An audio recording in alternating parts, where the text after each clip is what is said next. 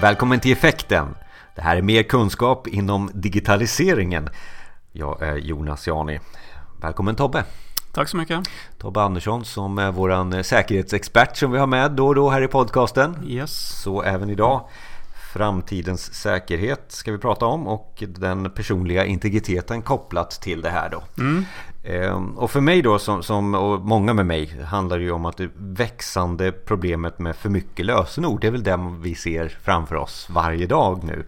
Ehm, om man försöker hitta på egna personliga eh, lösningar på hur man ska komma ihåg alla de här lösenorden. Man skriver upp det i, i kontaktboken och man har säkert något sånt lösenordssystem och sånt där.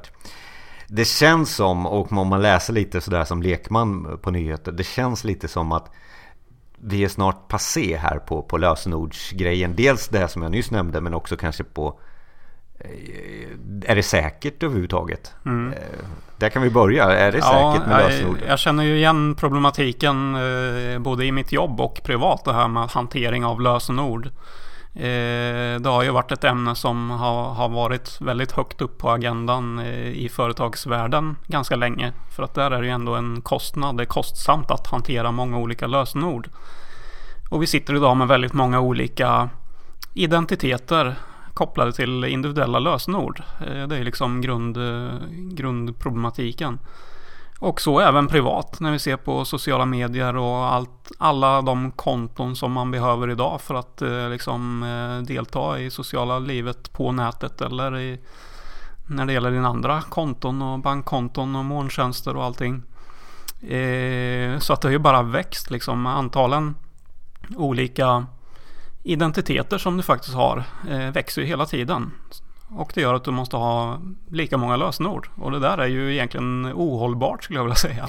Är det då man kommer till en sån här tipping point i sitt eget liv? Eller alltså att användarvänlighet och säkerhet går inte ihop helt plötsligt? Mm. För att det är för mycket mycket av, det, no, av, av säkerhetsdelen så man ja. går en the easy way liksom. Ja, mm. och liksom i företagsvärlden så trummar man ju ut det här budskapet att du ska ha olika lösenord förstås då till olika konton och sådär. Det har ju varit liksom nummer ett som man försöker mm. att få mm. folk att göra. Men är inte det bra? Är inte det bra? Eller? Det är bra. Mm. Eh, men jag säger att liksom eh, om man ser på nästa steg eller tittar framåt och ställer frågan kring just är lösenord bästa typen av autentisering? Eh, då hamnar vi i en annan diskussion.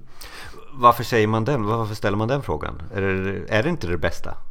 Eller? Det finns ju andra sätt att uh, autentisera sig på liksom. Uh, lösenord, att ha en hemlig lösenordsfras har ju alltid, har ju under lång tid varit en standard att uh, det är någonting som du ändå kan använda för att, för att visa vem du är. Mm. Men jag menar eh, nu så går ju utvecklingen framåt och det finns ju andra metoder också. Är det också så att våra datorer kommer bli så, eh, de här kodbreakarna kommer att, eh, mm. datorerna som gör det kommer vara mer och mer avancerade och göra det på ett snabbare sätt också. Ja, så att, det, ja. precis och det är det som har gjort att man har, att det har blivit mycket mer besvärligt att hantera lösenord därför att kraven på lösenorden är ju så stora idag. Det, det räcker inte de måste vara väldigt komplexa, ofta med specialtecken och eh, stort antal eh, tecken liksom. Så att, eh, och det drivs ju på av tekniken att eh, det finns metoder för att knäcka lösenord. Det var någon som sa det att oftast är det de, de här, ja vi ska ha åtta tecken och så ska du ha en siffra och så en specialtecken. Mm. Det är väldigt många lösenord som slutar på en etta, hörde jag i statistiken. ja. ja, precis. Och, och, det föder ju med sig andra problem som, som du var inne på där i början. Att eh, när man har så många olika identiteter och olika lösenord, hur ska jag kunna hålla reda på allting? Mm. Utan det Tyvärr är det ju så. Man, folk skriver upp dem på olika sätt eller återanvänder lösenord och sådär. Mm. Det är det som, som gör som jag tror att det här just med lösenord um, är jag tror det, vi kommer att växa ifrån det. Och var, ja, men var, var, är vi då någonstans? Alltså, mm. nu, nu pratar vi om lösenord i textform egentligen. Mm. Och sen så har vi tittat eh, på, vi vet ju alla om tummen till exempel. Är det bra? Eh, ja. Är det, eller vad, alltså, egentligen, vad är det bästa? Mm. mm. Mm. Alltså det, det optimala vore ju ändå om vi hade till att börja med en identitet. Eh, både i arbetslivet och privat. Det är en, en människa, en person, en identitet. Det är ganska logiskt. Utan det är egentligen tekniken som har stått i vägen och gjort att vi har haft, tyvärr har vi blivit tvungna att ha många olika identiteter på jobbet till olika system med olika lösenord. och hemma till olika saker. Eh, det optimala vore ju om man ändå hade en och samma identitet. Och då är man ju tillbaks till då kanske mer som, som du nämnde med biometri. Att göra, kunna autentisera dig och visa vem du är eh, med hjälp av din biologiska eh, bevis så att säga. Till exempel fingeravtryck eller någonting annat. Vad är bäst där i biometri? Kan man säga att det finns någon sån? Eh, ja, iris, ge, ge. ja precis. Iris-skanningen, alltså den som skannar ögat, eh, den som är mest tillförlitlig. Mm. Eh, och de här metoderna har ju funnits en tid liksom med eh, tumavtryck och iris-skanning och andra former av eh, skanna handflata och sådana saker. Så att den, den här tekniken har ju funnits ett tag. Men varför då? Eller varför har vi inte då infört det eh, i, i mm. företagen? Mm. Nu ska vi ha iris-scanning här. Mm. Eh, jag tror det är en ren kostnadsnivå eller kostnadsfråga fram till, fram till nu. Att det har varit för dyrt och man inte sett man har inte sett riktigt vinsten utav det ur ett produktionsperspektiv. Vi har ju vissa branscher som har höga säkerhetskrav på sig och som idag använder biometri. Så det finns ju på marknaden idag, helt kommersialiserat. Men, eh, men hittills så är det lite för hög kostnad för att kunna försvara det då.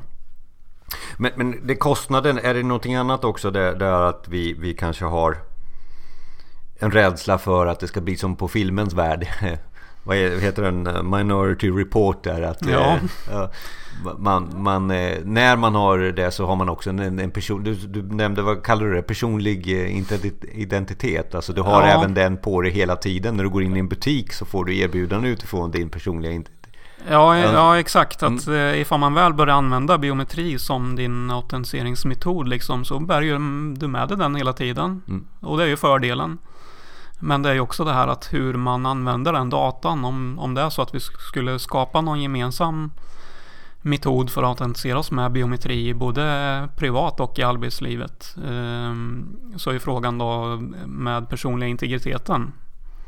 Eh, vad, vad som kommer hända med den informationen och hur den skyddas och hur man kopplar ihop den och så vidare. Men, men de här exemplen då för att ta Minority Report igen då. Eh, mm. Är, det, är det så att när vi börjar använda ett säkert sätt att, att identifiera oss typ biometri, vad det nu kan vara för någonting. Mm. Eh, så slås ju en automation på också. Mm.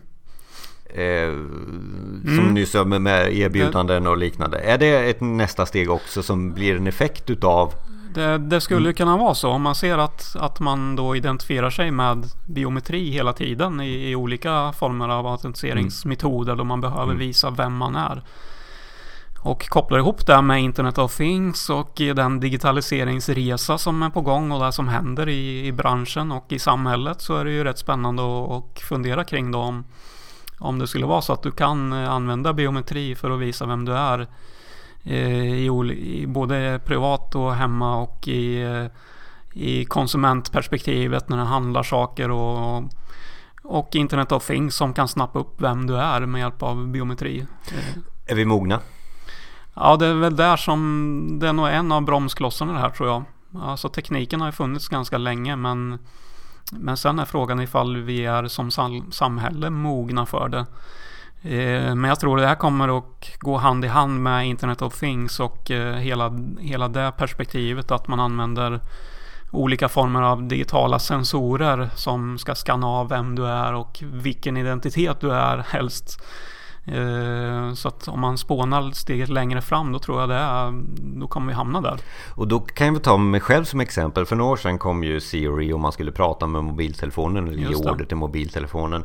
Eh, jag kände väl inte riktigt att jag skulle vilja göra det ute på stan direkt. Eh, mm. Så prata med min telefon, det känns lite sådär. Men nu hemma har jag skaffat mig en sån här Amazon Echo Dot. Den kan ni söka på. Ja. Eh, och den är det just som du nämner här att jag börjar känna att jag kan prata med mitt hem nu. Mm. Tänd lampor och mm. den tänder lampor åt mig och spelar upp musik som, som jag vill och sådär. Mm. Det är ett steg för mig i den här automationen som jag inte trodde att jag skulle ta. Mm. Eh, just med att jag kunde inte acceptera att jag skulle prata med saker och ting. Nej. Nej. Och det, det påvisar ju lite den här trögheten eller den här förändringsbenägenheten. Eh, vi är ju lite, lite motsträviga ändå. Även vi som ändå är tekniknördar. Vi är inte så jättesnabba att ta till oss saker och ting. För det är ju samma sak där, det här med att kunna prata med, eh, med elektronik och kunna ge korta kommandon till saker och ting. Det har ju funnits ganska länge ändå. Men det kanske är först nu, om vi ser på dig då som har köpt det här nu eh, efter ett tag. När man ändå ser att det finns en användningsområde som du ändå skulle kunna tycka att ja, det är bra till och liksom ser att ja, men nu, nu finns det, nu är tekniken tillräckligt mogen för att göra det liksom. Jo, men samtidigt så tycker man att ska jag ska prata med saker. Ja, ja. visst, det kanske är en del utav det. Men är det inte lite så här att och, eh, var det Google-chefen som sa någonting om att internet är dött? Vad, vad, vad menade han med det? Eh, ja, precis. Så han, han, menar ju just att eh, internet eh, tar man för givet, så glöm det. Det finns alltid där. Eh, och eh, det kommer snarare bli så att eh, internet kommer att finnas i form av olika sensorer som känner av saker och ting när du vill interagera, interagera med någonting med teknik på olika sätt. Eh, så återigen då med Internet of Things att som i stor utsträckning bygger på olika sensorer som mäter data och skickar upp det i, till nätet. Eh, då har vi ju scenariot att, eh, att du inte ens ska behöva prata med dina prylar. Det skulle jag väl, tror jag personligen är nästa steg när man fasat ut det här att att eh, prata med prylarna utan prylarna ska förstå ändå. Du behöver inte ens prata med dem utan de känner av att nu är det du som kommer in i det här rummet. Nu förändras rummet utifrån din identitet och dina intressen och dina personliga inställningar och allting. Du behöver inte ens prata med prylarna. Men när du säger sådär så känner jag att ja, du kommer in i ett rum. Är det hologram och sånt där vi ser framför oss också? Det är också det, det, väldigt nära i den här ja, del. Det, ja, precis. Allting det här hänger väl ihop. Och mm. nu framtidsspanar vi ju lite grann. Men jag tror ju säkerligen när vi pratar om hologram och sådana saker. Att, för det blir ju en annan typ av man vill, man vill eh, personifiera upplevelsen ju utifrån dig som individ. Och då är det ju väldigt smidigt att göra det virtuellt. Liksom att jag har någon, någon form av eh, virtual reality med hologram eller någonting annat. Mm. Men, men just det här internet är dött och det är en del utav dig och, och kopplingen till internet of things gör som något första steg då om vi ska mm. liksom ta det här i olika steg som vi ser framför oss som, som är realistiska. Du pratade om eh, att vi var i science fiction här nyss. Men, mm. men de stegen vi ser framför oss det måste ju vara det här att idag så är det lite eh, hemautomation. Mm. Eh, vi har de här eh, banden på som mäter hur många steg Precis. vi tar. Mm. Eh, det är ju Microsoft, eh, Apple har HomeKit och, och, och HealthKit och, och ja. andra har andra ekosystem för det här. Det är ju ett sätt att knyta ihop det som är hemmet som vi pratar om. Alltså temperatur, eh, lampor, eh, ja. musik, vad det mm. nu kan vara för någonting. Är det ett steg ett i, i den här framtiden för, för eh, din Jag egen? tror det i mognadsprocessen där att eh, att ändå eh, marknaden har sett att det är ändå ett bra område att börja, börja med. Det är ganska, ganska enkelt att ta till sig och är inte så här jätteviktig information utan det är mer en, en tjänst som kan vara bra att ha och som är liksom är rolig och liksom man känner att man skulle vilja komma igång med. Men om vi ser i, i, i ytterligare perspektivet att det här kan ju innefatta saker som hälsodata som du sa eller andra andra saker som helt plötsligt blir mer personliga. Och då man eh, hamnar inför en mer eh, fråga kring personlig integritet och liksom att när vi börjar ladda upp saker till nätet och den ska känna av saker med automatik det är okej okay så länge det handlar kanske om att och liksom slå på av en lampa. Men eh, när det handlar om kanske ditt blodtryck eller sådana saker som man vill automatiskt ska skickas upp till någon. Då eh, bör man ju tänka till mer. Men har vi inte misslyckats redan i steg ett med eh, den hemautomation? Vi ser till exempel att alla sådana här övervakningskameror som man kan köpa mm. hade ju lösenord som var samma. Vilket innebar att det var något eh, virus som snodde åt sig de här kapaciteten som fanns i alla ja, kameror och ja, använde exakt. som ett botnät. Eh, för det är ändå det mm. vi pratar om, säkerheten här. Mm. Säkerheten i steg ett med hemautomation jättebra men vi har missat. Mm. Ja, Eller? Eh, ja, det får ju framtiden utvisa här men det handlar ju absolut om att behålla upprätthålla säkerheten på våra Internet of Things eh, utrustning. Eh, det var ju för någon vecka sedan hade vi en sån här överbelastningsattack. Det var det du var inne på där att någon, i och med att det fanns en sårbarhet i att de var likadant konfigurerade och så, så kunde man då peka om trafik. Eh, för främst det är ju som Internet of Things-utrustningen ser ut idag så är det ju främst sensorer som fångar upp data. Datan skickas ju iväg någonstans eh, så att det är ju liksom data i rörelse på något sätt. Det lagras inte så mycket data än i dem. Det kommer det säkert göra i framtiden med. Men, men det handlar ju om att, att tillverkarna av den här utrustningen måste upprätthålla säkerheten, absolut. Och det kommer ställas högre krav kring det. Utan det är väldigt spännande nu när vi ändå är i den här transformationen. Eh, det är då det ofta blir barnsjukdomar och eh, man genar lite grann på säkerheten kanske som en mindre tillverkare eller något Så där har det ju varit historiskt liksom. Så att eh, det kommer ju säkert upp fler sådana saker. Och det, det är väl också det som vi är inne på de olika stegen som vi ser framför oss. Och det, det är väl också det som gör att vi måste mogna i steg ett för att ta oss till steg nummer två ja. i det här då. Eh, men vad, när vi nu har rätt ut det där eh, med vi ska använda den här typen av säkerhet, vi ska säkra upp våra prylar på det här sättet. Mm. Vad är då nästa steg två i den här utvecklingen av eh, den framtida säkerheten och personliga integriteten mm. när tekniken växer runt omkring oss, mm. närmar oss. Var, var, var, är vi då? Ja, jag tror att man är framme då vid att kunna behandla mer känslig data genom Internet of Things och genom nätet överhuvudtaget. Vi ser ju redan idag att det finns ju de här hälsoapparna till exempel i Apple, i iPhones och det finns våra våra aktivitetsband av olika slag som samlar in personlig data. Eh, eh, och om man ser nästa steg i det där är ju att kunna skicka iväg det till, eh, till, sjuk, till din doktor eller behandla datan också utanför dig själv. Att på något sätt kunna automatisera eh, så att någon kan monitorera din hälsa till exempel automatiskt.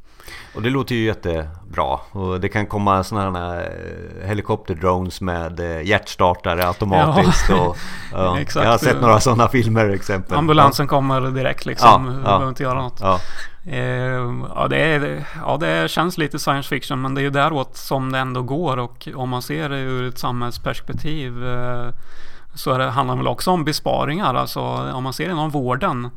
Vården eh, har ju hittills fram till idag varit en av de, de branscher som har varit snabba med att titta på Internet of Things just för hur man kan hjälpa till och hur man kan effektivisera eh, både för patienter när det gäller data men också liksom inom mer eh, långvården och sådär hur man kan upprätthålla en säkerhet och ändå kunna ja, kunna effektivisera, liksom att ha kontroll på vad som sker med dina patienter.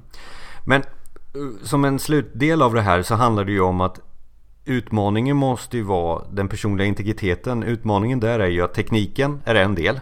Mm. Eh, som utvecklas mm. säkerhetsmässigt åt rätt håll mm. förhoppningsvis. Sen skulle jag påstå också när jag sitter och lyssnar på dig så här att det är en generationsskifte också. Tekniken och mm. generationsskiftet gör att vi har mm. nästa steg. Men, men vad, vad, då är vi där igen. Eh, vad är vad då är eh, det integriteten i framtiden? Mm.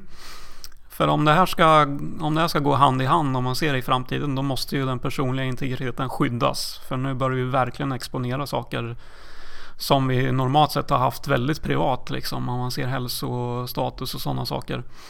Eh, och det är ju lite det som görs. Eh, vi har ju då GDPR inom EU som är förlängningen av personuppgiftslagen. Mm. Inom EU så har man ju kommit fram till att ha en gemensam standard och lag kring hur man behandlar personuppgifter. Eh, och det är ju ett steg i att förstärka just din eh, personliga integritet som, som konsument och som, in, som individ. Och det rimmar ju väldigt bra med om man ser utvecklingen framåt här när det kommer upp så många nya tjänster. Eh, då är det ju en fördel att ha en, ett gemensamt ramverk och regelverk för hur företag ska få behandla dina personuppgifter. Som vi skulle som en slutdel summera så handlar det om att även om vi har de här olika stegen, vi är i ett steg som handlar om eh, hemautomation och, och vi kommer komma till någon science fiction i, i steg mm. två, så gäller det redan nu att liksom säkra upp som företag eh, den personliga integriteten eh, och, och, och, ha det som ett ämne inom företaget. Du pratade om GD, GDPR, det är ju mm. det nya som vi får ta en separat eh, Ja. podcast om det tror jag. För att det är ett ämne som, är, som du flyttar tillbaka eh, det till dig själv istället. Ja, GDPR, dataskyddsförordningen brukar man säga på svenska då. Och eh, det ska ju absolut alltså företag också ta på allvar. För att om de vill hänga med i den här resan med eh, Internet of Things och med digitaliseringen. Eh, då måste man ha koll på personuppgifter och eh, sköta sig då enligt dataskyddsförordningen om man ska vara en, en spelare på den här marknaden. Så att eh, det är en stor omställning som pågår bland företagen. Det är intressant att följa framtiden, framtidens säkerhet och, och, och personliga integritet. Vi kommer tillbaka till ämnet. Yes. Tack så mycket Tobbe. Ja, tack. Du har lyssnat på Effekten. Alla relevanta länkar finns där på effekten.se.